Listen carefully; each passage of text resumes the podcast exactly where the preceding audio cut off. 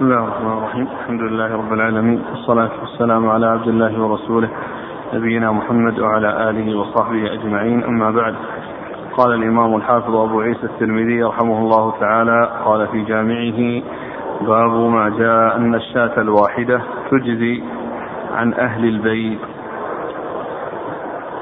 قال حدثنا يحيى بن موسى قال حدثنا أبو بكر الحنفي قال حدثنا الضحاك بن عثمان قال حدثني عمارة بن عبد الله قال سمعت عطاء بن يسار يقول سألت أبا أيوب الأنصاري رضي الله عنه كيف كانت الضحايا على عهد رسول الله صلى الله عليه وآله وسلم؟ فقال كان الرجل يضحي بالشاة عنه وعن أهل بيته فيأكلون ويطعمون حتى تباهى الناس فصارت كما ترى. قال أبو عيسى هذا حديث حسن صحيح وعمارة بن عبد الله هو مدني وقد روى عنه مالك بن أنس والعمل على هذا عند بعض أهل العلم وهو قول أحمد وإسحاق. واحتج بحديث النبي صلى الله عليه وسلم أنه ضحى بكبش فقال هذا عمن لم يضحي من أمتي. وقال بعض أهل العلم لا تجزئ الشاة إلا عن نفس واحدة وهو قول عبد الله بن المبارك وغيره من أهل العلم بسم الله الرحمن الرحيم الحمد لله رب العالمين وصلى الله وسلم وبارك على نبينا ورسوله نبينا محمد وعلى آله وأصحابه أجمعين. أما بعد فيقول الإمام أبو عيسى الترمذي رحمه الله في جامعة باب في إجزاء الشاة عن أهل البيت. الشاة الواحدة تجزي عن أهل البيت. باب ما باب باب ما جاء أن الشاة أن الشاة الواحدة تجزي عن أهل البيت. المقصود الترمذي رحمه الله بهذه الترجمة أن أهل البيت لا يلزم كل واحد منهم شاة أو أضحية وإنما يكفي لأهل البيت شاة واحدة إذا ذبحها رب البيت وضحى بها فإنها تجزي عنه وعن أهل بيته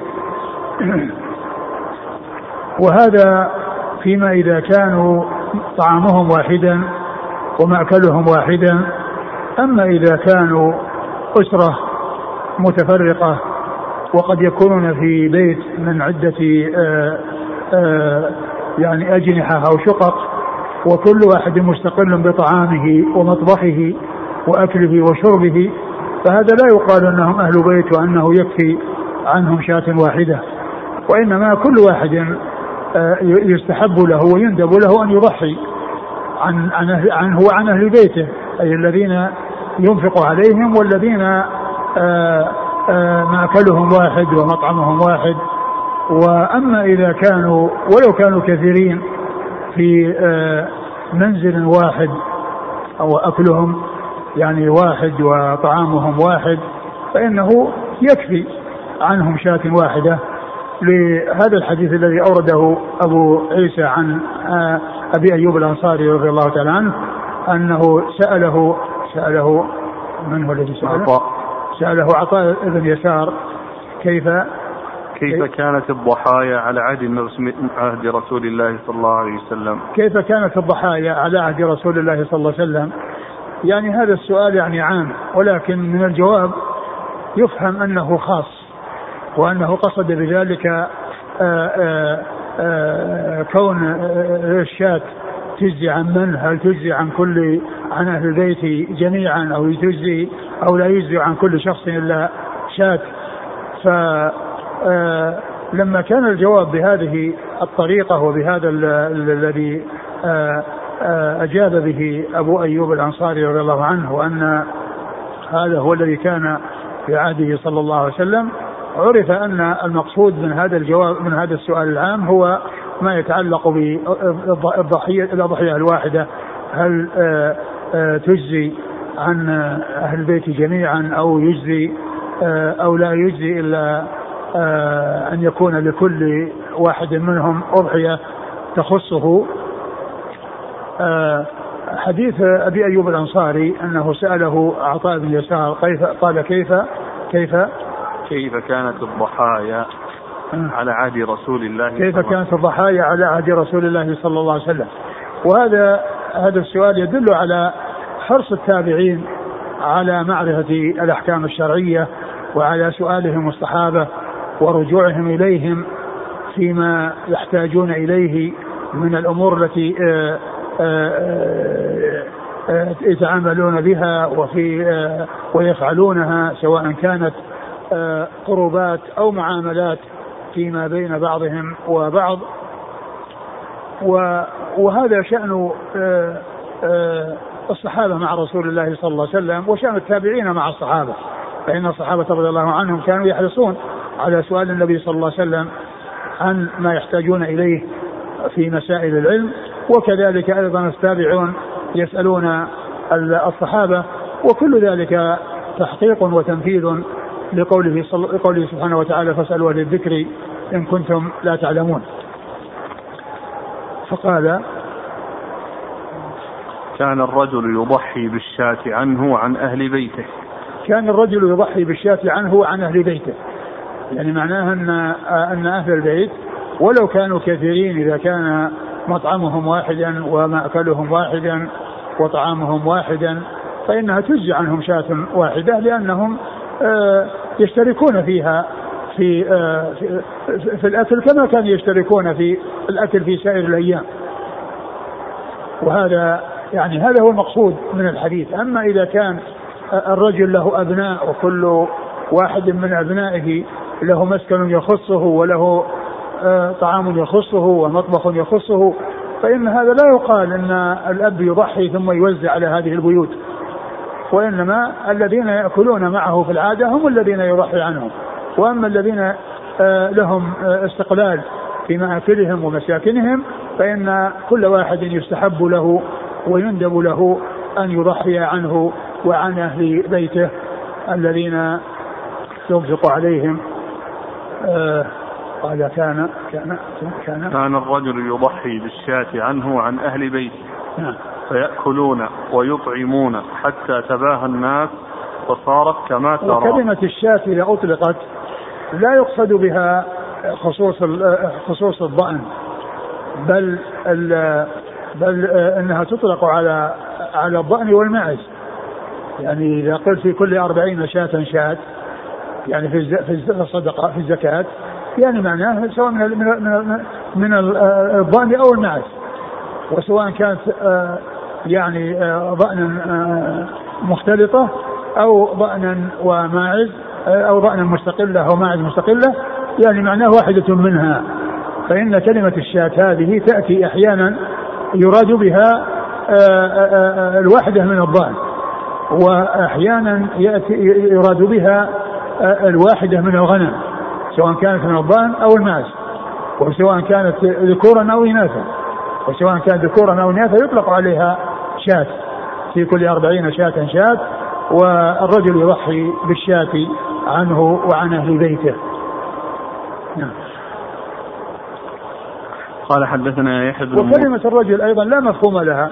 لو أن الرجل البيت يعني فيه أم وأولادها وهي التي تنفق عليهم وهي المسؤولة يعني عنهم فإن أيضا حكمها حكم الرجل الذي هو صاحب البيت. يعني معناه أنهم يضحون. إذا كان عندهم قدرة وعندهم يسار فإن ذكر الرجال في الغالب لكونهم المخاطبين. وأما إذا كان البيت ليس فيه رجال وإنما فيه صبيان وله فيه أولاد ولهم أم هي القائمة على شؤونهم وهي التي تنفق عليهم فإنهم يضحون. فإنها تضحي بشاة عنها وعن وعن أولادها الذين هم أهل ذلك البيت الذين يأكلون ويطعمون يعني معها في ذلك البيت.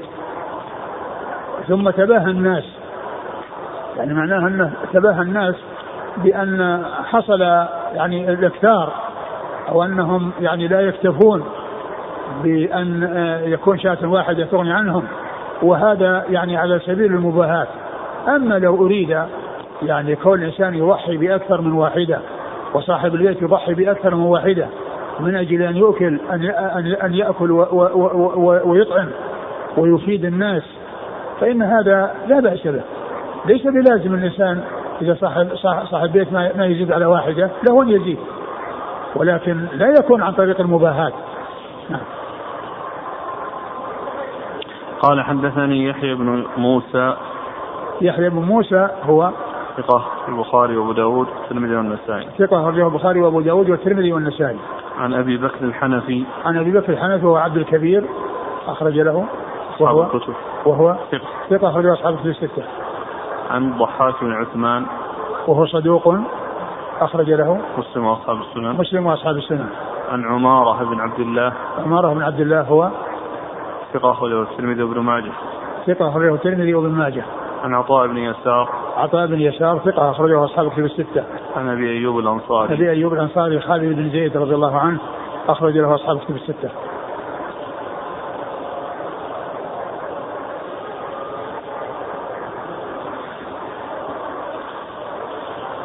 يقول قوله وفي الباب ثم قوله بعد ذلك وهو قول أحمد وإسحاق واحتج بحديث النبي صلى الله عليه وسلم أنه ضحى بكبش. فقال هذا عمن لم يضحي من أمتي. يقول الأخ ألا يدل إيراد الترمذي لهذه العبارة أن مقصوده بترجمة الباب والحديث الرد على من يقول بسنية التضحية بكبشين وأن ما ورد عن النبي صلى الله عليه وسلم من تضحيته بكبشين أن ذلك خاص به. آه، آه، كونه التضحية بكبشين وأن الإنسان ما يزيد على واحدة آه، ما هناك شيء يمنع منه. ما هناك شيء يمنع منه لكن كونه يعتقد أنه لا بد من كبشين ليس بلازم. تكفي الشاة عن الرجل وعن أهل بيته عن الرجل وعن أهل بيته. والحديث واضح الدلالة على على هذا المعنى من ناحية أن أن أن أهل البيت يكفيهم شاة واحدة. وأنه لا يلزم التعدد ولو حصل التعدد ما في بأس. لو حصل التعدد والزيادة من أجل أنهم كثيرين مثلا أو يريدون أن يحسنوا إلى الناس يعني في في هذا الموسم وفي هذه المناسبة العظيمة لا مانع من ذلك.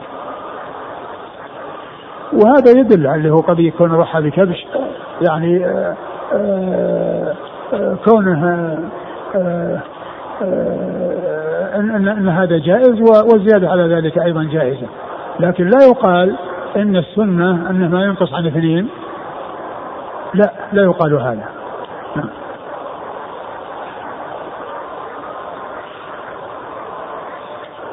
يقول رجل له زوجتان كل واحدة في مسكن.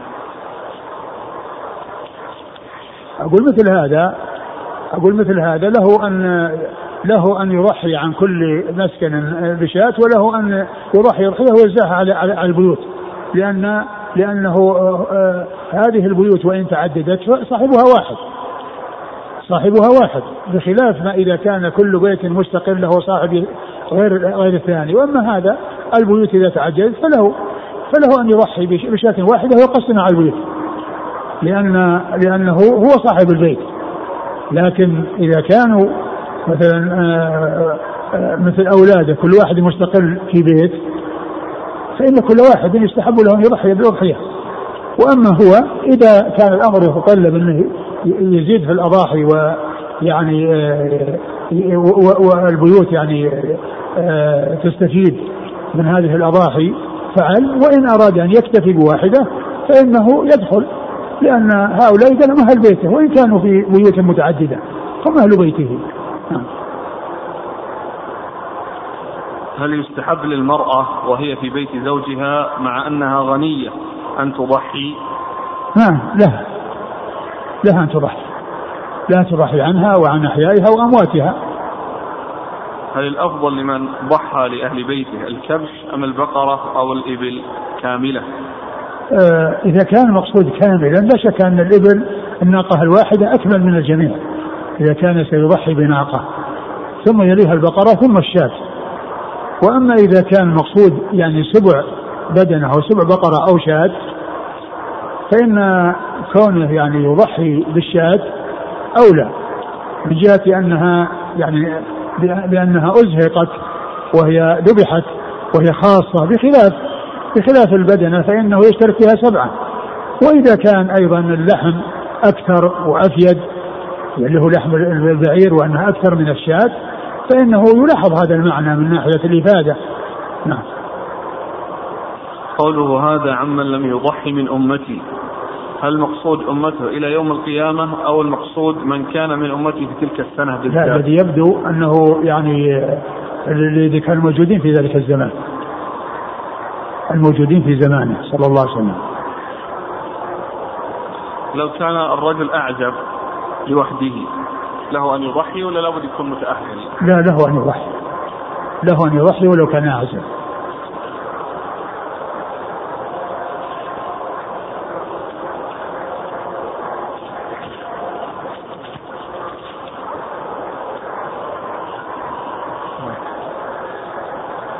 قال رحمه الله تعالى باب الدليل على أن الأضحية سنة.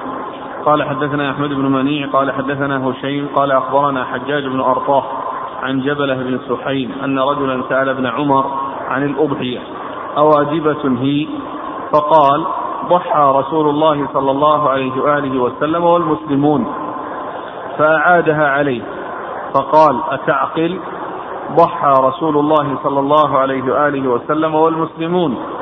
قال أبو عيسى هذا حديث حسن صحيح. والعمل على هذا عند أهل العلم أن الأضحية ليست بواجبة ولكنها سنة. من سنن رسول الله صلى الله عليه وآله وسلم يستحب أن يعمل بها وهو قول سفيان الثوري وابن المبارك. نعم. قال حدثنا أحمد بن منيع وهناد.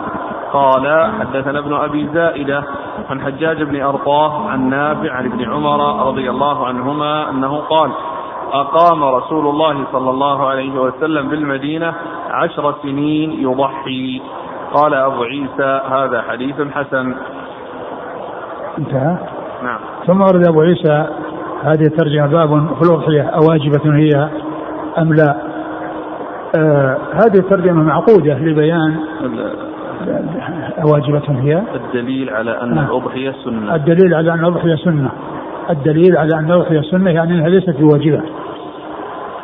و آه و آه أورد أبو عيسى يعني الحديث الأول. ابن عمر. حديث حديثين عن ابن عمر يعني حديث من طريقين عن ابن عمر رضي الله تعالى عنهما أن النبي صلى أن رجلا سأل ابن عمر عن الأضحية أواجبة هي؟ فقال ضحى رسول الله صلى الله عليه وسلم والمسلمون. يعني أراد أن يبين أنها أنه لم يأتي شيء يدل على الوجوب ولكنها سنة سنها رسول الله صلى الله عليه وسلم. فأراد أن تتبع هذه السنة وأن يؤخذ بها ولا لم تكن واجبة. فأعاد عليه السؤال يريد أن يقول أنها واجبة أو غير واجبة. فأجاب أعاد عليه الجواب وقال أتعقل؟ ضحى الرسول صلى الله عليه وسلم والمسلمون. يعني يريد من ذلك أن الإنسان يتبع ما جاء رسول الله صلى الله عليه وسلم وإن لم يكن واجبا. وإن لم يثبت أنه واجب ما ما دام ثبت عن الرسول صلى الله عليه وسلم فإن الإنسان يعمل به. فإن الإنسان يعمل به. فيعني آه فلما كرر السؤال يعني ذلك السائل كرر الجواب. سن رسول ضحى رسول والمسلمون يعني فأنت اتبع. وافعل مثل ما فعلوا. ووحي كما ضحوا. وهذا يشبه يعني لأن ابن ابن عمر رضي الله عنه كان حريصا على الاتباع.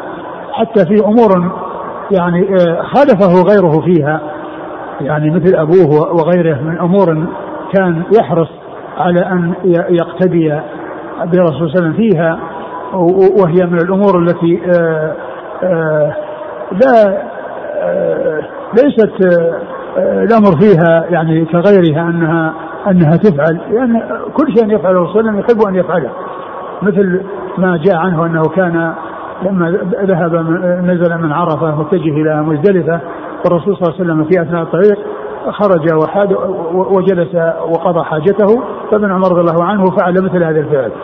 يعني في الطريق نزل وقضى حاجته لأن الرسول صلى الله عليه وسلم فعل ذلك. ومثل ما جاء عنه في مسح آه، الحجر وأنه كان يمسح يعني كان يمسح الحجر في كل مرة وسأله لما سأله سأل قال أرأيت إن زحمت؟ أرأيت إن زحمت؟ يعني هو يعني يرشد إلى أنها تتبع السنة. قال أرأيت إن زحمت؟ يعني بسبب الزحمة ما حصل لي. قال آه، دع رأيت في اليمن. وكان الذي يسأله يماني دع رأيت في اليمن واتبع السنة أو افعل. يعني هذا الذي جاء عن رسول الله صلى الله عليه وسلم. فهذا السائل كرر عليه. لما قال أواجبة قال ضحى رسول صلى الله عليه وسلم والمسلمون. فكرر عليه قال ضحى أتعقل؟ يعني كيف تعيد السؤال؟ وأنا أجبتك بأن هذه سنة وأن الرسول ضحى. ولم يقل أنها يعني غير واجبة ولكن بين أنها سنة والسنة تتبع وسنة رسول الله صلى الله عليه وسلم سواء كانت ما ثبت عنه سواء كان واجبا أو مستحبا فإن الإنسان يحرص على أن يأتي به وأن يفعله وألا يتهاون في ذلك. نعم. قال حدثنا أحمد بن منيع. أحمد بن منيع ثقة. وهي مستحبة يعني كما ذكر الشارح. وأن العلماء يقول أنها سنة. وبعض أهل العلم يوجبها على أهل اليسار. لكن القول بسنيتها واستحبابها هو الواضح وأن الإنسان لو تركها أي إنسان تركها فإنه لا يقال أنه يأثم نعم. أحمد بن منيع ثقة أخرجه أصحاب الكتب الستة. عن هشيم هشيم بن بشير الواسطي ثقة أخرجه أصحاب الكتب الستة. عن حجاج بن أرطاه. حجاج بن أرطاه صدوق سيء الحفظ جدا. صدوق كثير الخطأ كثير الخطأ والتدليس أخرج له البخاري المفرد ومسلم وأصحاب السنة. البخاري المفرد ومسلم وأصحاب السنة. عن جبل بن سحيم. عن جبل بن سحيم ثقة أخرجه أصحاب الكتب الستة. عن ابن عمر. عن ابن عمر عبد الله بن عمر رضي الله تعالى عنهما أحد العباد له الأربعة وأحد السبع المكثرين من حديث رسول الله صلى الله عليه وسلم. والحديث في إسناده الحجاج بن أرطاه وهو الذي يعني انفرد به ولا يدل يعني ال ال الحديث على على الوجوب وأما السنة فإنها مأخوذة من فعل رسول الله صلى الله عليه وسلم ومن كونه ضحى والناس كذلك ضحوا معه عليه الصلاة والسلام. كما جاء في الحديث أنه كانوا في سفر وأنهم يعني أنهم يعني اشتركوا في الغنم. نعم. قال اشتركوا في الإبل والبقر. نعم. قال حد قال حدثنا أحمد بن منيع وهناد. هناد بن السري أبو السري ثقة أخرج له أصحاب كتب الستة. أخرج البخاري في خطأ افعال العباد ومسلم وأصحاب السنن. عن ابن أبي زائدة. ابن أبي زائدة زكريا يحيى بن زكريا بن أبي زائدة ثقة أخرج له أصحاب كتب الستة. عن حجاج بن ارطاه عن نافع. نافع هو مولى بن عمر وهو ثقة اخرجه أصحاب كتب الستة. عن ابن عمر نعم. أقام الرسول صلى الله عليه وسلم بالمدينة عشر سنين يضحي. قام عشر سنين يضحي. يعني أن أن هذا من هديه ومن سنته صلى الله عليه وسلم. يقول السائل هل يجوز الاستدانة لأجل الأضحية؟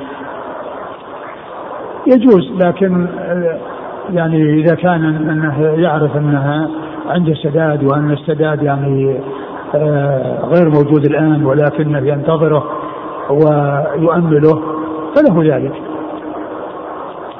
قوله صلى الله عليه وسلم من وجد سعة ولم يضحي فلا يقربن مصلانا ليس دليل على الوجوب وكيف الجواب عنه لا بس هو ثابت لا شوف في الشرح ما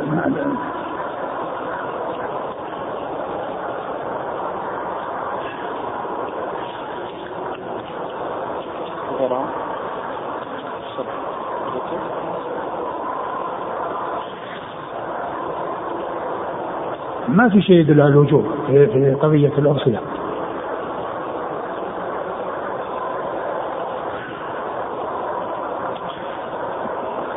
يقول آه، أخرجه ابن ماجه وأحمد ورجاله ثقات لكن اختلف في رفعه ووقفه والموقوف أشبه بالصواب نعم.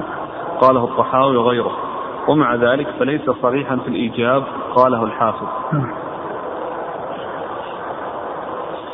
يقول إذا تركها أهل بلد هل يأثمون مثل فرض الكفاية؟ فروض الكفاية هي التي يأثمون بها.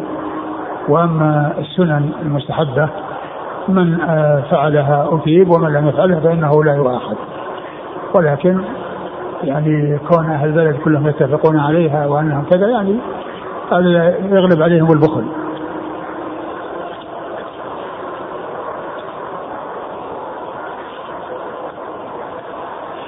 يقول الأخ ورد عن أبي بكر الصديق وعمر رضي الله عنهما أنهما ترك الأضحية مخافة أن يظن الناس أنها واجبة ولم يخالفهما أحد من الصحابة.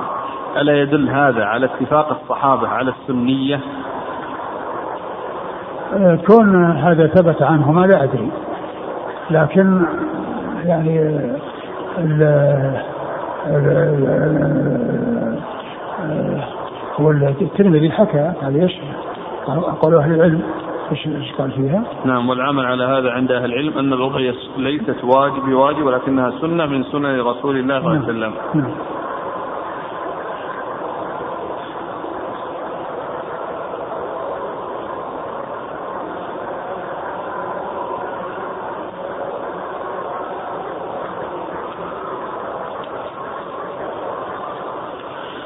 قال رحمه الله تعالى باب ما جاء في الذبح بعد الصلاة.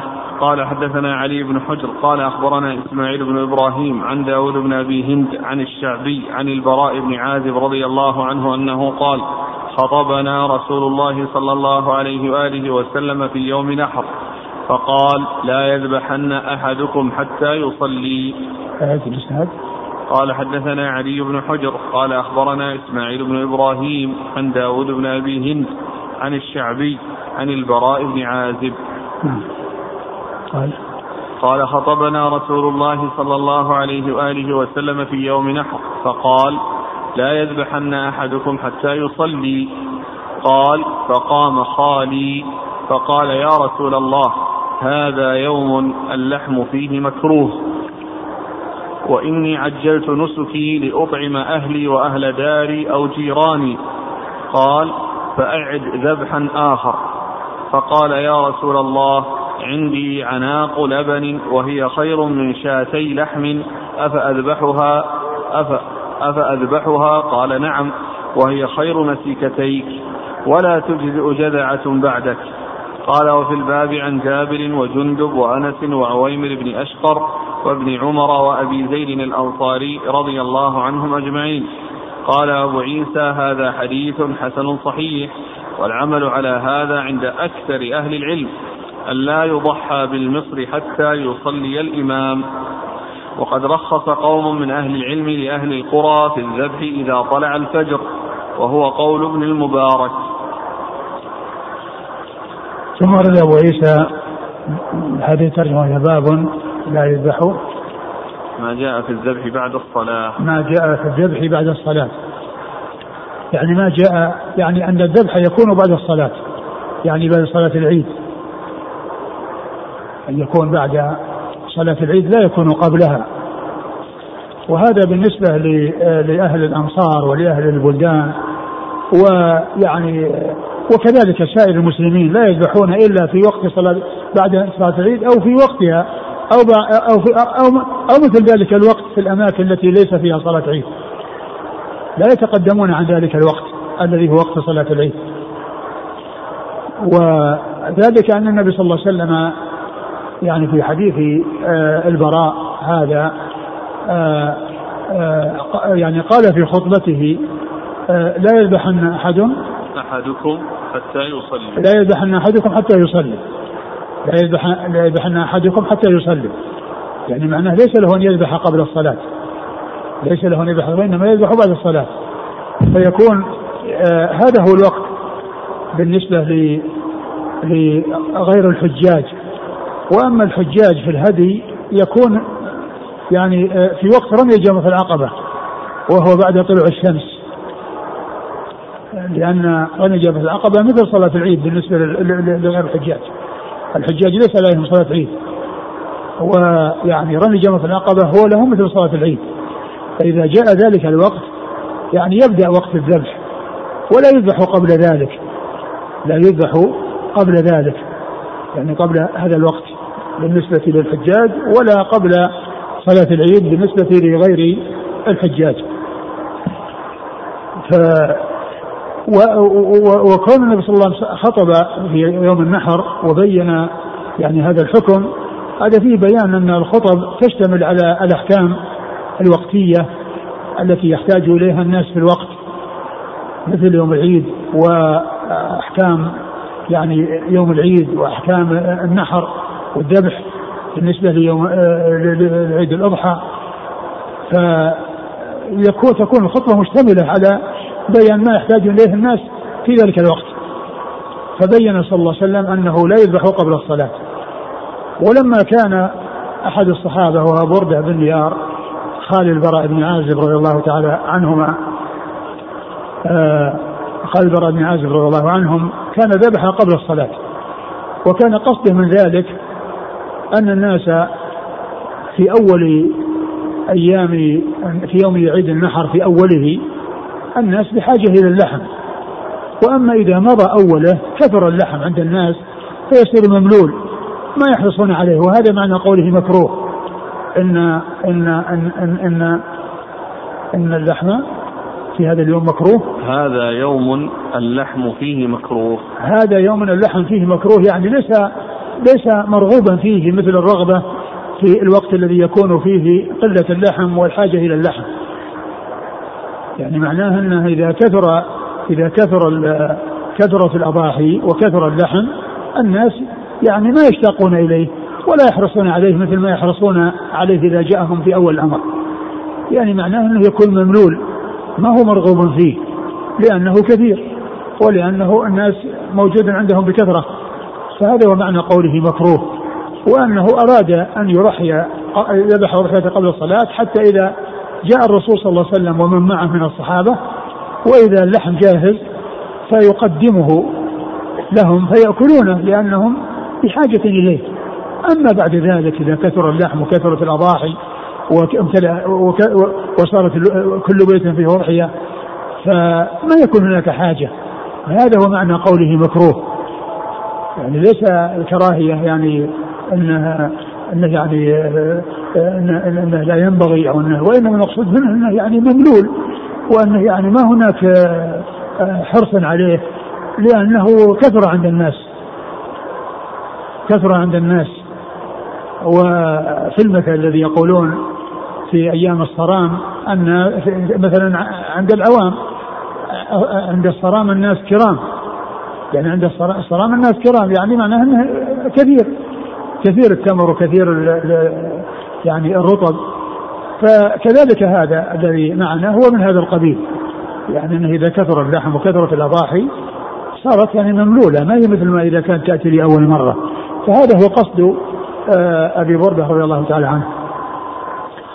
فالرسول صلى الله عليه وسلم قال أعد. وفي بعض الأحاديث قال شاتك شات لحم. شاتك شات لحم.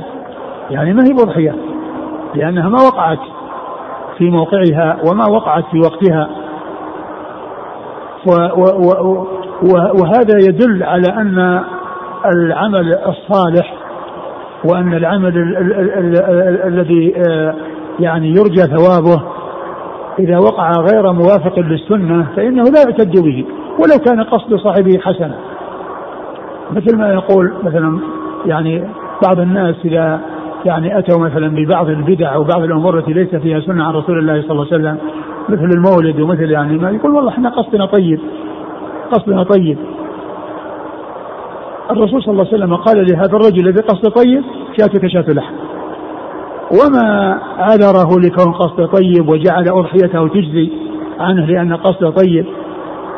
ولهذا ذكر الحافظ بن حجر في فتح الباري عن بعض أهل العلم قال وفي هذا دليل على أن العمل لا بد فيه من موافقة السنة ولا يكفي ليكون مقبولا ولا يكفي حسن قصد الفاعل ولا يكفي حسن قصد الفاعل بل لابد مع حسن القصد أن يكون موافقا للسنة.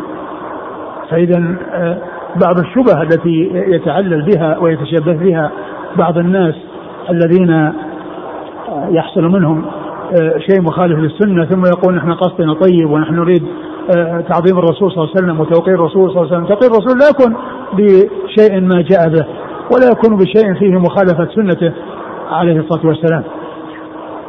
ومثل ذلك عبد الله بن مسعود رضي الله عنه لما جاء إلى أناس في المسجد وهم متحلقون ومع كل واحد منهم حصى وفيهم شخص يقول سبحوا مئة هللوا مئة كبروا مئة ثم يعدون. فوقف على رؤوسهم أبو عبد الرحمن عبد الله مسعود رضي الله عنه وقال ما هذا؟ ما هذا؟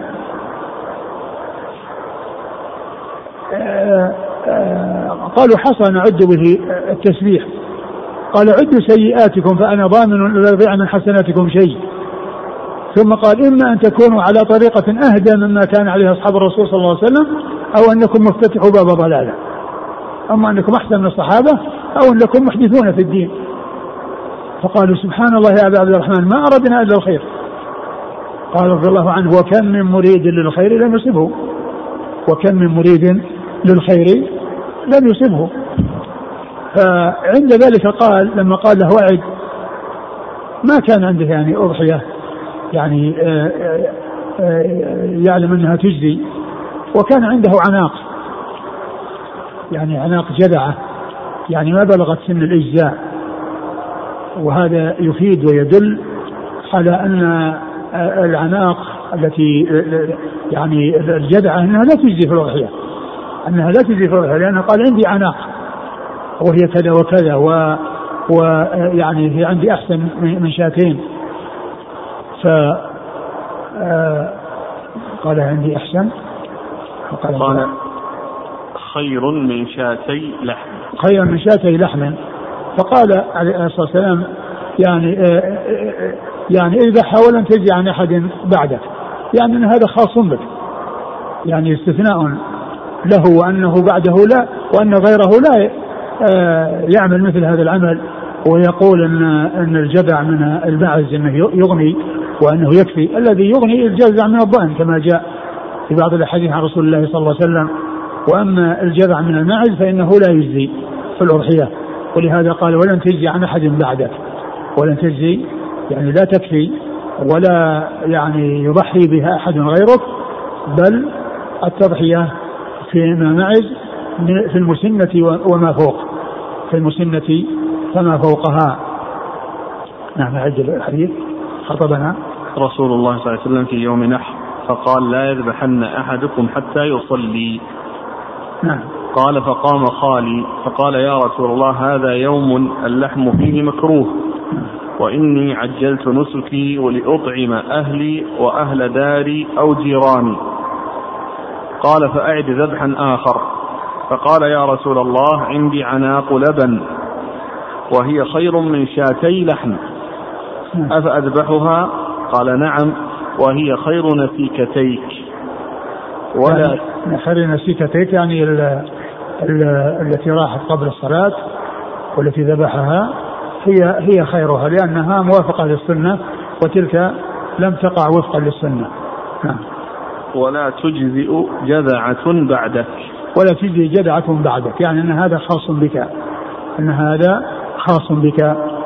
نعم. لأنها جذعة من الماعز من الماعز نعم. قال حدثنا علي بن حجر. علي بن حجر ثقة أخرجه البخاري ومسلم والترمذي والنسائي. عن إسماعيل بن إبراهيم. إسماعيل بن إبراهيم هو بن علية ثقة أخرجه أصحابه في الستة.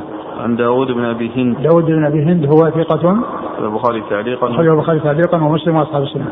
عن الشعبي. عن الشعبي عامر بن شراحيل الشعبي ثقة أخرجه أصحابه في الستة.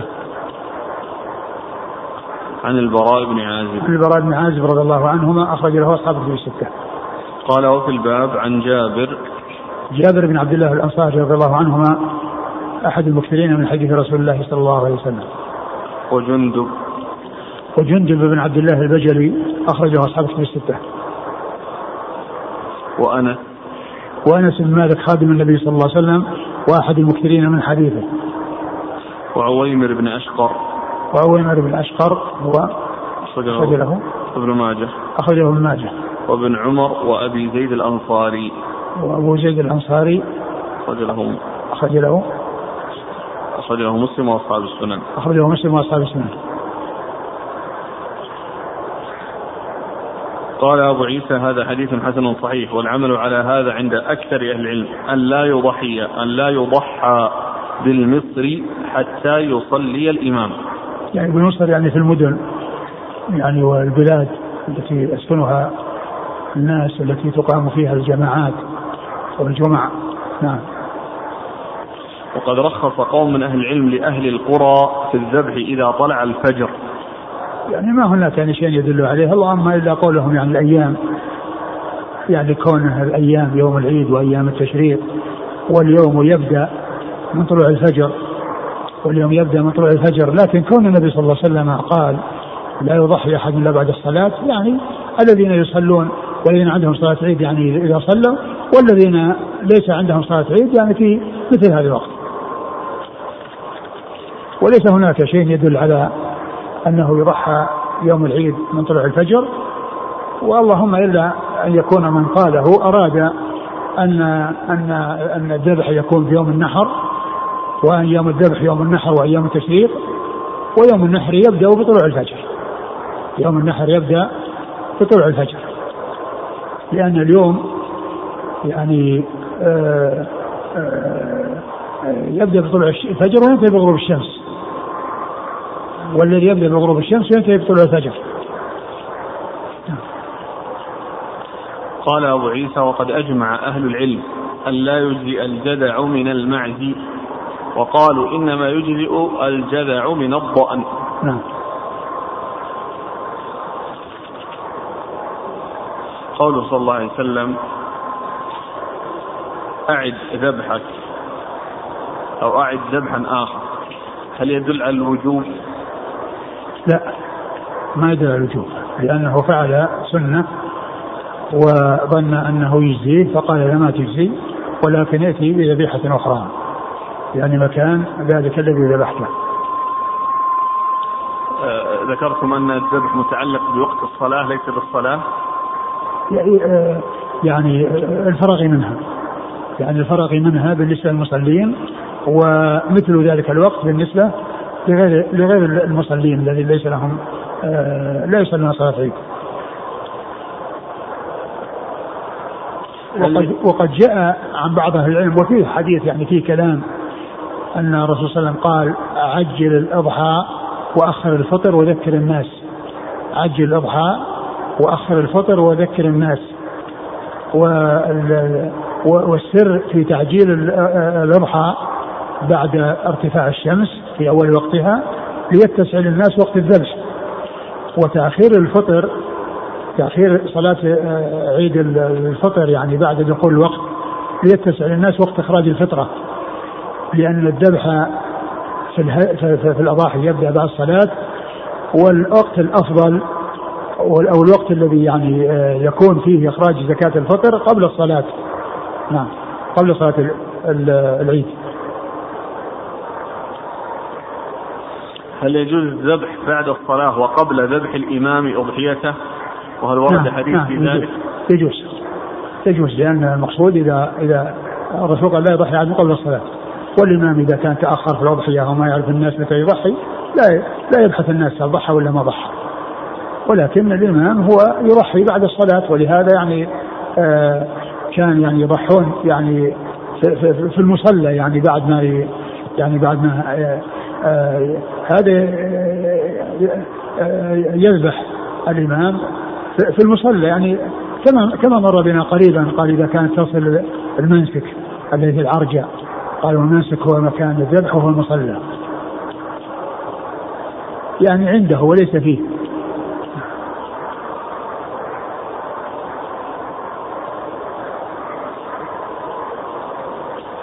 يقول عندنا في البلد عادة أنهم لا يذبحون بعد صلاة العيد حتى يجتمعون عند بيت الإمام الذي صلى بهم العيد. فيرسل لهم الإمام جريدة ملطخة بدم الأضحية دلالة على أنه ذبح. ثم يذهبون إلى بيوتهم فيذبحون. هذا غلط وهذا من التكلف. و وكونه يعني يروحون يجتمعون بيته ويرسل لهم جريدة فيها دم ملطخ. إيش هذا؟ هذا شيء ما له ما له أساس ولا له وجه. وإنما الناس يضحون بعد الصلاة. كل يذهب ويضحي. ولا يحتاج إلى أنهم يتحققون الامام يعني ذبح ولا ما ذبح. ولا يتصلون بالتليفون هو ذبح ولا ما ذبح. نعم. والله هذا كله هذا خطأ. هذا خطأ مو صحيح. يقول جزع الضأن. هل يجزئ مطلقا أو عند عدم يعني وجود من هو ما أكبر الأولى الأولى أن يضحى بما هو أكمل. الذي هو يعني آه، المسن وما فوقه. والإجزاء يجزي. لو أن إنسان اشترى جذعا وضحى به فإنه يجزي. ولكن الأولى هو أنه آه، يضحى بما هو أكمل. وبما هو أكثر رحم ولو ولو كان الإنسان ما فعل ذلك ولكنه فعل شيئا مجزيا حصل به المقصود. يصح الحديث لا تذبحوا إلا مسنة إلا أن يعثر عليكم نعم هذا هو هذا جاء ولكن المقصود به يعني ليس المقصود به انه لا يجوز ما دون ذلك وإنما الأولى أنهم لا يفعلون إلا هذا وإذا يعني آه، ما تمكنوا فإنهم ينزلون على هذا لكن لا يعني أن أنه لا يجوز للإنسان ان يضحي بالجذع مع قدرته على ما هو أكبر منه. آه، من رمى العقبة قبل الفجر هل له أن ليس له. ليس له أن ليس للحجاج أن يذبحوا إلا في وقت الذبح يعني لا يقدمون يعني معناه أن الرمي الرمي آه، يجوز أن يكون يعني قبل الفجر وأن يكون بعد الفجر وقبل طلوع الشمس وبعد طلوع الشمس. لكن بالنسبة للذبح ما يكون يعني في ذلك الوقت وإنما يكون مثل مثل الأضاحي لأن آه، صلاة لأن رمي جمرة العقبة هو للحجاج مثل صلاة العيد للحجاج. ولهذا يقولون أن الحجاج ليس عليهم صلاة عيد وإنما يعني آه، رميهم الجمرة يوم النحر هو مثل صلاة العيد.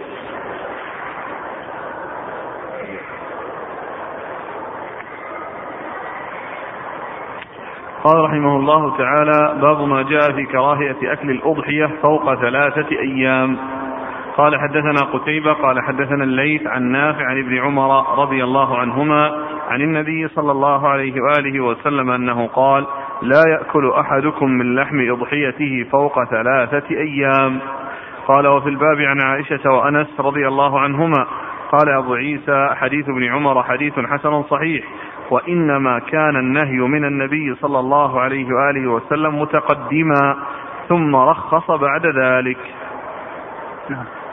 قال رحمه الله تعالى باب ما جاء في الرخصة في أكلها بعد ثلاث. نعم. قال حدثنا محمد بن بشار ومحمود بن غيلان والحسن بن علي الخلال وغير واحد.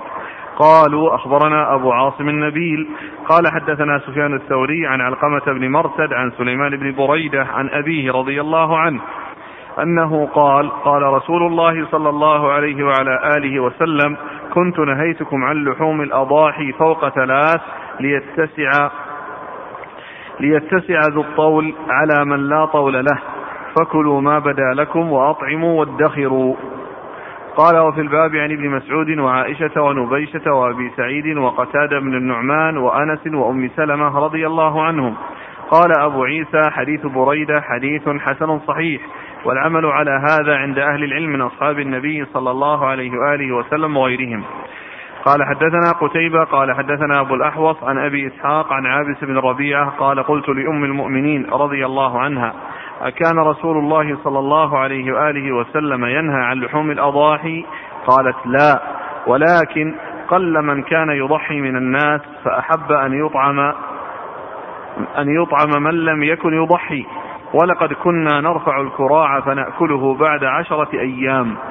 قال أبو عيسى هذا حديث حسن صحيح وأم المؤمنين هي عائشة زوج النبي صلى الله عليه وآله وسلم. وقد روي عنها هذا الحديث من غير وجه. ثم رد أبو عيسى هذه الترجمة وهي باب آه كراهية أكل لحوم الضائع بعد ثلاث كراهية أكل الأضحية فوق ثلاثة أيام. باب كراهية أكل لحم الأضحية بعد ثلاثة أيام. المقصود من هذه الترجمة أنه كان في أول الأمر آه يعني جاء النهي عن أكل لحوم الأضاحي بعد الثلاث. وذلك ليتمكن أو ليقوم المضحون بإطعام من هو بحاجة إلى ذلك من الفقراء والمساكين. وبعد ذلك آه، جاء النسخ لهذا المنع وأن أنهم يأكلون ويدخرون يأكلون ويطعمون ويدخرون. وقد أورد أبو عيسى حديث ابن عمر رضي الله تعالى عنهما قال لا يأكل أحدكم من لحم أضحيته فوق ثلاثة أيام. لا يأكل أحدكم من لحم أضحيته فوق ثلاثة أيام.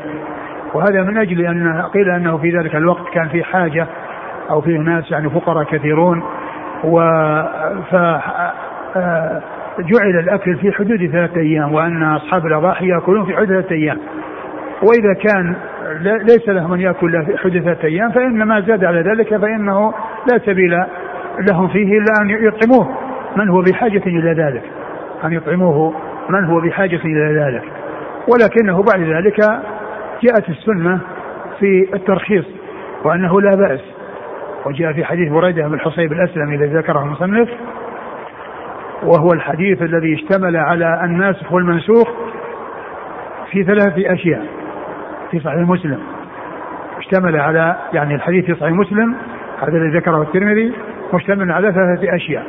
كلها فيها الناسخ والمنسوخ كنت نهيتكم عن زيارة القبور فزوروها وكنت نهيتكم عن ادخار لحوم الأضاحي فوق ثلاث ألا فادخروا ألا فكلوا وادخروا وكنت نهيتكم عن الانتباد في أوعية فانتبذوا في كل وعاء ولا تشربوا مسكرا فانتبذوا في كل وعاء ولا تشربوا مسكرا فهذا الحديث اشتمل على ثلاثة أمور فيها الناسخ والمنسوخ.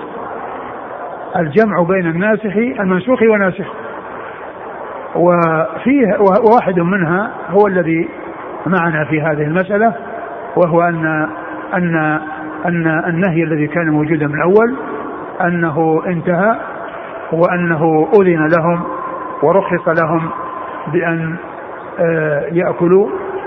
في نفس وقت الأضاحي وأن يدخروا. ويدخروا يعني يبقوا شيئا لهم وكانوا يقددونه ويضعون عليه الملح فيبقى. وكان هذه الطريقة التي يمكن أن يبقى بها اللحم عندهم. يعني ليس أمامهم إلا هذا وإلا فإنه ينتن.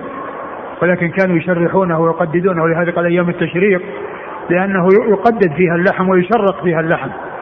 التشريق هو التقطيع فكانوا يضعونه يعني آه، يعني مثل الحبال يقددونه ثم يجعلون عليه الملح ثم بعد ذلك ينشفونه ويأكلونه على مدى الزمان أمامهم آه نعم نقرأ الحديث الحديث, نعم.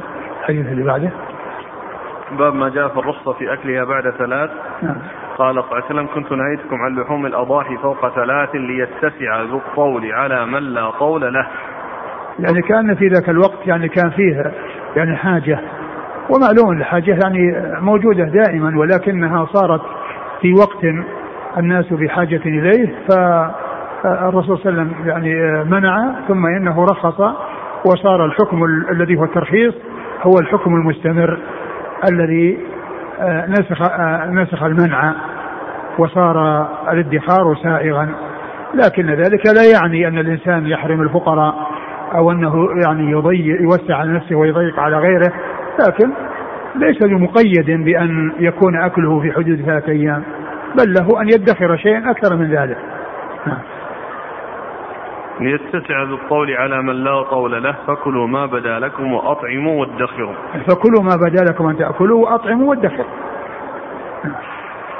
الحديث الأخير عن أم المؤمنين عن عابس بن ربيعة قال قلت لأم المؤمنين أكان رسول الله صلى الله عليه وسلم ينهى عن لحوم الأضاحي؟ قالت لا ولكن قل من كان يضحي من الناس فأحب أن يطعم من لم يكن يضحي. ولقد كنا نرفع الكراع فنأكله بعد عشرة أيام. يعني هذا من عائشة ومثل الذي قبله. يعني فيه أنهم كانوا آه يعني آه آه, آه، الذين يضحون قليلين فكان آه آه يحتاج الأمر إلى إطعامهم وإلى الإحسان إليهم. وبعد ذلك يعني جاء الإذن بالادخار ولهذا قالت كنا ندخر ندخر الكراع فنأكله بعد عشرة أيام. يعني معناه لا يقتصرون على الثلاث. لا يقتصرون على الثلاث وأكلهم في حدود ثلاث بل كانوا يدخرون ويأكلونه بعد عشرة أيام. نعم. الإسناد الأول قال قال حدثنا قتيبة عن الليث. آه قتيبة بن سعيد ثقة أخرجه أصحاب الكتب الستة وليث بن سعد ثقة أخرجه أصحاب الكتب الستة. النافع عن ابن عمر. نافع مولى بن عمر ثقة أخرجه أصحاب الكتب الستة وعبد الله بن عمر أحد العبادلة وأحد المكثرين من حديث رسول الله صلى الله عليه وسلم وهو من وهذا الإسناد من الأسانيد العالية عند الترمذي وهي رباعيات. قال حدثنا محمد بن بشار. محمد بن بشار هو بن دار ثقة أخرجه أصحاب الكتب الستة. ومحمود بن غيلان. محمود بن غيلان ثقة أخرجه أصحاب الكتب الستة إلا أبا داود. والحسن بن علي. والحسن بن علي الحلواني ثقة أخرجه أصحاب الكتب الستة إلا النسائي. عن أبي عاصم النبيل أبو عاصم النبيل الضحاك بن مخلد أبو عاصم النبيل هو الضحاك بن مخلد وهو ثقة أخرج له أصحاب الكتب الستة عن سفيان الثوري عن سفيان الثوري سفيان بن سعيد المسروق الثوري ثقة أخرج له أصحاب الكتب الستة. عن علقمة بن مرثد علقمة بن مرثد ثقة أخرج له أصحاب الكتب الستة. عن سليمان بن بريدة سليمان بن بريدة ثقة أخرج أخرجه مسلم وأصحاب السنن. عن أبيه عن أبيه بريدة بن الحصيب الأسلمي رضي الله عنه أخرج له أصحاب الكتب الستة. وفي الباب عن ابن مسعود. ابن مسعود عبد الله بن مسعود الهذلي أخرج له أصحاب الكتب الستة. وعائشة. وعائشة أم المؤمنين رضي الله عنها صديقة من الصديق وهي ممن أكثر رواية عن رسول الله صلى الله عليه وسلم. ونبيشة. ونبيشة من أخرجه. أخرج له مسلم وأصحاب السنة. أخرج له مسلم وأصحاب السنة. وأبي سعيد. وأبو سعيد الخدري رضي الله عنه أخذ أحد المكثرين من حديث رسول الله. وقتادة بن النعمان. قتادة بن النعمان أخرج حديثه. البخاري والترمذي والنسائي بن ماجه البخاري والترمذي والنسائي بن ماجه. وأنس. وأنس بن مالك رضي الله عنه مر ذكره. وأم سلمة. وأم سلمة هند بنت أبي أمية أخرج لها أصحاب كتب الستة. قال حدثنا قتيبة عن أبي الأحوص. أبو الأحوص سلام بن سليم الحنفي ثقة أخرجه أصحاب كتب الستة. عن أبي إسحاق. عن أبي إسحاق وهو عمرو بن عبد الله الهمداني السبيعي ثقة. أخرجه أصحاب كتب الستة. عن عابس بن ربيعة. عن عابس بن ربيعة أخرجه أصحاب كتب الستة. وهو ثقة أخرجه أصحاب كتب الستة. قال رحمه الله تعالى باب ما جاء في الفرع والعتيرة. ولا يعني في الدروس الماضية آه يعني آه آه سبق أن جاء ذكر آه أن الترمذي أو أن بعض نسخ الترمذي ليس فيها ذكر كتاب الذبائح ولا كتاب الأطعمة ولا كتاب الأحكام والفوائد وإنما يأتي بعد كتاب الصيد آه كتاب الأضاحي الذي نحن فيه الآن. و وذكرت أن أن نسخة تحفة الأحوذي آه أنه ليس فيها ذكر هذه الأبواب الثلاثة بل يأتي بعد الصيد مباشرة كتاب الأضاحي. وهذا هو الموجود في تحفة الأحوذي في الطبعة الهندية وفي بعض الطبعات الأخرى التي هي غير الهندية. والأمر الثاني مر بنا في الكلام على حديث آه من اقتنى كلب آه كلبا إلى كلب صيد نقص من أجره كل يوم قيراط وما نقله الشارح عن علي القاري أن النقص إنما يكون من من الأجر الذي يكون في المستقبل. وأنه لا يكون من مما مضى وأنه لا يكون من الأجر الذي قد مضى يعني قبل اقتناء الكلب. وقال ان ان إن مذهب أهل السنة والجماعة آه اللي هو على القاري أنه لا يكون إلا يعني في المستقبل ولا يكون في الماضي. و والذي آه تدل عليه الأدلة ان النقص يكون من الماضي. وأن إحباط العمل يكون كليا بسبب الشرك ويكون جزئيا بسبب آه بعض الكبائر وبعض الذنوب والمعاصي. وأوضح دليل على هذا قول الله عز وجل يا أيها الذين آمنوا لا تبطلوا صدقاتكم بالمن والأذى فإن هذا يدل على أن أن المن يبطل الصدقة ويبطل أجر الصدقة التي حصلت بالفعل يعني كونه من بها. وقد جاء في الحديث ثلاثة لا يكلمهم الله يوم القيامة ولا ينظر لهم ولا يزكيهم ولهم عذاب أليم. قال أبو ذر خابوا وخسروا من يا رسول الله؟ قال المسبل والمنان والمنفق سلعته بالحلف الكاذب. فالمنان أو المن كبيرة من الكبائر وذنب عظيم وهو يحبط العمل الذي هو الصدقة ويبطله. فإذا آآ آآ آه، الذي عليه أهل السنة والجماعة أن الشرك هو الذي يبطل العمل الماضي. وأما الكبائر فإنها تبطل آه، يعني تبطل بعد آه، بعض الحسنات. يعني وليس الإبطال يعني خاصا بالشرك يعني في الماضي بل كما أنه يكون في الشرك إلا أنه يكون لكل الأعمال لأن الشرك يحبط العمل كله. وأما الكبائر فإنها تحبط يعني بعض آه، آه، الذنوب والمعاصي مثل ما في هذه الآية. آه، كون المن يبطل الصدقة. يبطل أجر الصدقة. يا أيها الذين آمنوا لا تبطلوا صدقاتكم بالمن والأذى. نعم.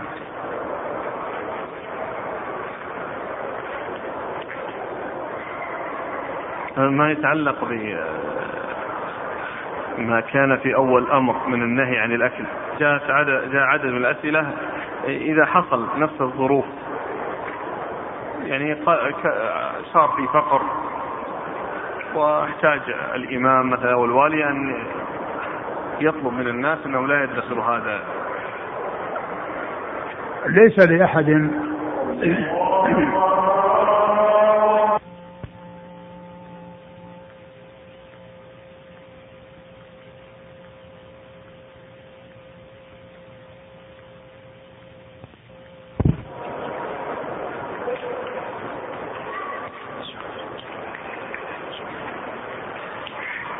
ليس لأحد أن يحرم على الناس أو يمنع الناس من شيء آه، شرعه رسول الله صلى الله عليه وسلم وجاءت إباحته عن رسول الله صلى الله عليه وسلم.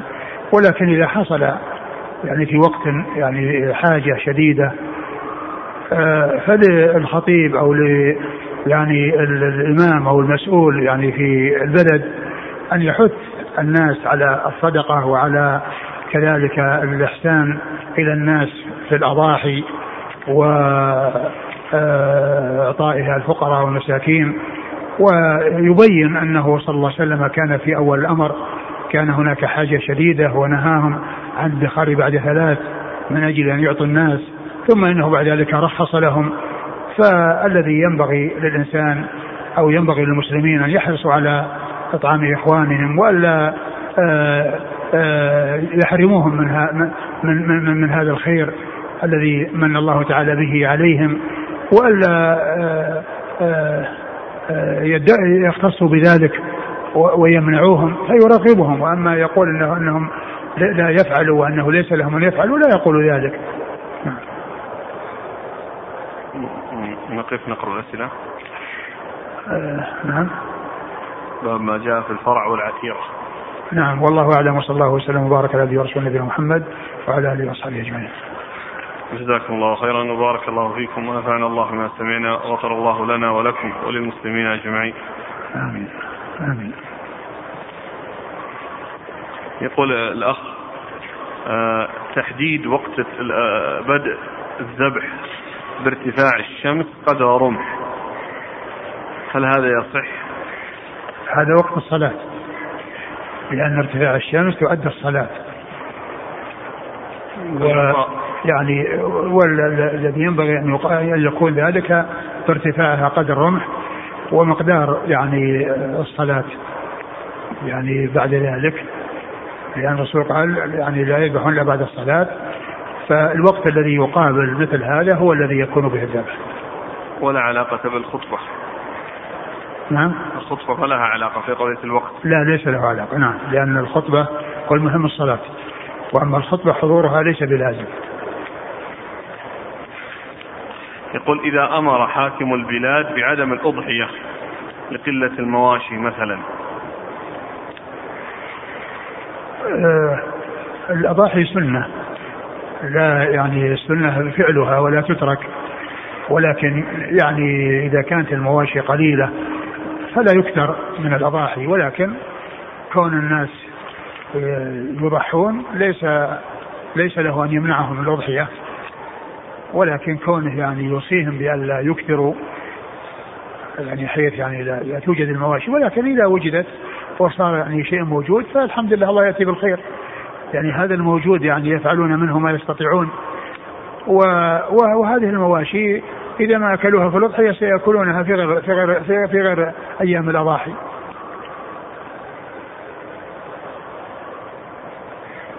يقول عندنا الناس يجتمعون في فناء المسجد ثم يضحون وبعد ذلك يخلطون اللحم ثم كل واحد يأخذ حقه فهل هذا يجوز؟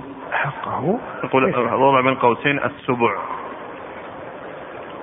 يعني السبع يعني يعني مشتركين في سبعة يعني آه، آه، إذا كان مقصود به آه، يضحون بسبعة يشتركون في ناقة وبعدين كل يقسمونها كل ياخذ يعني سهم ما في إلا هذا إيش إيش في غير هذا؟ كلامه يقول الناس يجتمعون ثناء المسجد ثم يضحون يقول السبع إيش معنى السبع يعني كل واحد يأخذ سبع.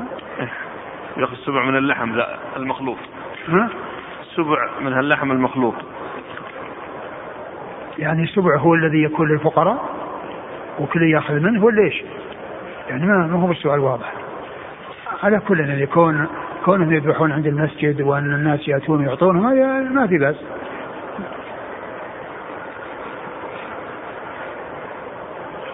يقول الوالدة تسكن في قرية.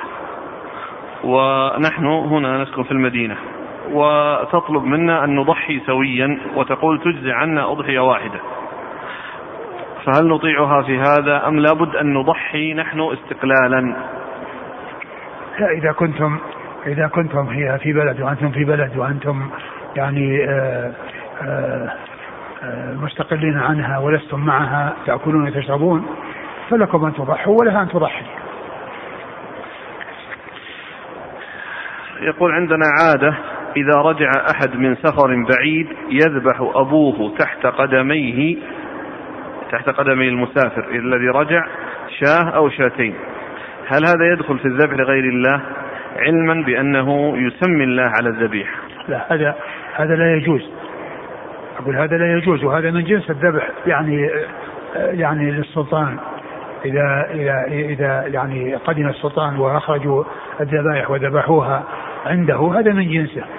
وهذا هو الذي جاء أن أن علماء بخارى أفتوا بأن ذلك لا يجوز وأنه حرام. لكن يكون من الذبح لغير الله؟ يعني وقعوا في الشرك والله يعني ولا آه، كونه يعني يكون آه، شرك وأنه يحبط العمل ما أدري. لكن مثل هذا لا يجوز أكله لأنه آه، يعني عمل منكر وعمل محرم. هذا ما تقدم وناسب الكلام اليوم معكم على قضية حسن النية ولكن عدم صلاح العمل. والموضوع الذي مر أن قرأنا من اقتضاء الصراط المستقيم وكلام شيخ الإسلام تيمية. الأخ يقول وجدت تعليق للشيخ محمد حامد الفقي على هذا الكلام من الاقتضاء الصراط المستقيم ونقل بعضه. يقول الشيخ حامد الفقي رحمه الله كيف يكون لهم ثواب على هذا؟ وهم مخالفون لهدي رسول الله صلى الله عليه وسلم ولهدي أصحابه. فإن قيل لأنهم اجتهدوا فأخطأوا فنقول أي اجتهاد في هذا؟ وهل تركت نصوص العبادات مجالا للاجتهاد؟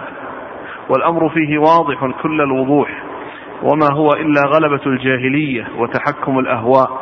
حملت الناس على الإعراض عن هدي رسول الله صلى الله عليه وسلم إلى دين النصارى والوثنيين. إلى أن قال وكلام شيخ الإسلام نفسه يدل على على ما يقول آه، وكلام شيخ الإسلام نفسه يدل على خلاف ما يقول من إثابتهم لأن حب النبي صلى الله عليه وسلم وتعظيمه الواجب على المسلم إنما هو اتباع ما جاء به من عند الله. كما قال تعالى قل إن كنتم تحبون الله فاتبعوني يحببكم الله.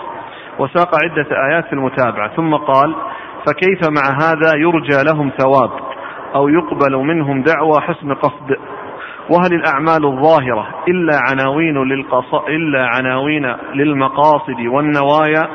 وإذا كان لهؤلاء ثواب على بدعتهم فليكن لليهود والنصارى وكل كافر إذا ثواب على ما يأتون من الكفر والوثنية لأنهم يقسمون جهد أيمانهم أنهم يقصدون به الإحسان أو ما يقصدون به إلا الإحسان والتوفيق. انتهى كلامه هذا الكلام الأخير يعني فيه نظر. يعني كون المسلمين يعني مثل الكفار لأن الكفار يعني يثابون يعني بكونهم قصدهم طيب والمسلمون يكونون كذلك لا في فرق. الكفار يعني أي عمل من الأعمال هو هو باطل. وأي عمل يعملونه فإنه لا عبرة به لأنه فقد شرط الإخلاص. وأما يعني هذا هو فقد شرط المتابعة. يعني ومعلوم أن أعماله الأخرى يثاب عليها. ومعلوم أن أعماله الأخرى يثاب عليها ولكن لا يجوز الإنسان يأتي بشيء خلاف السنة لأنه بدعة. قد قال عليه الصلاة والسلام كل بدعة ضلالة. وقال من أحد في أمرنا ما ليس منه رد. قال من عمل عملا ليس عليه أمرنا فهو رد. وما ذكره من من جهة أن أن أن أن, أن, صاحب القصد يعني يرجع أن يؤجر. هو لا لا لا لا يؤجر إلا إذا كان عمله موافق للسنة. ولهذا الحديث الذي مر بنا اليوم أوضح دليل على هذا. والكلام بعض أهل العلم الذي نقله الحافظ بن حجر في الباري أنه لابد مع مع آه مع حسن قصد من موافقة السنة. ومعلوم أن أصحاب البدع يعني قصدهم آه يعني في في في فيما يفعلونه يعني يظنونهم على حق. ومع ذلك آه، هم على باطل. ومع ذلك هم آثمون. ولهذا جاء في الحديث أن الله حجب التوبة عن صاحب كل بدعة حتى يتوب من بدعته. لأن الآن صاحب الذنب يشعر بأنه مذنب ويرجى أن يتوب. لكن صاحب البدعة يعتقد أنه على حق وغيره على ضلال ثم يموت وهو متمسك ببدعته وهو على بدعته. ولهذا ما تحصل منه التوبة مثل ما تحصل من المذنب لأن مرض الشبهات يرجى لصاحبه أن يتوب وأن يسلم من من تبعة ذلك الذنب بالتوبة. وأما ذاك يعتقد أنه على حق ويموت وهو على باطله فيكون ممن زي له سوء عمله فرآه حسنا. جزاكم الله خيرا. سبحانك اللهم وبحمدك.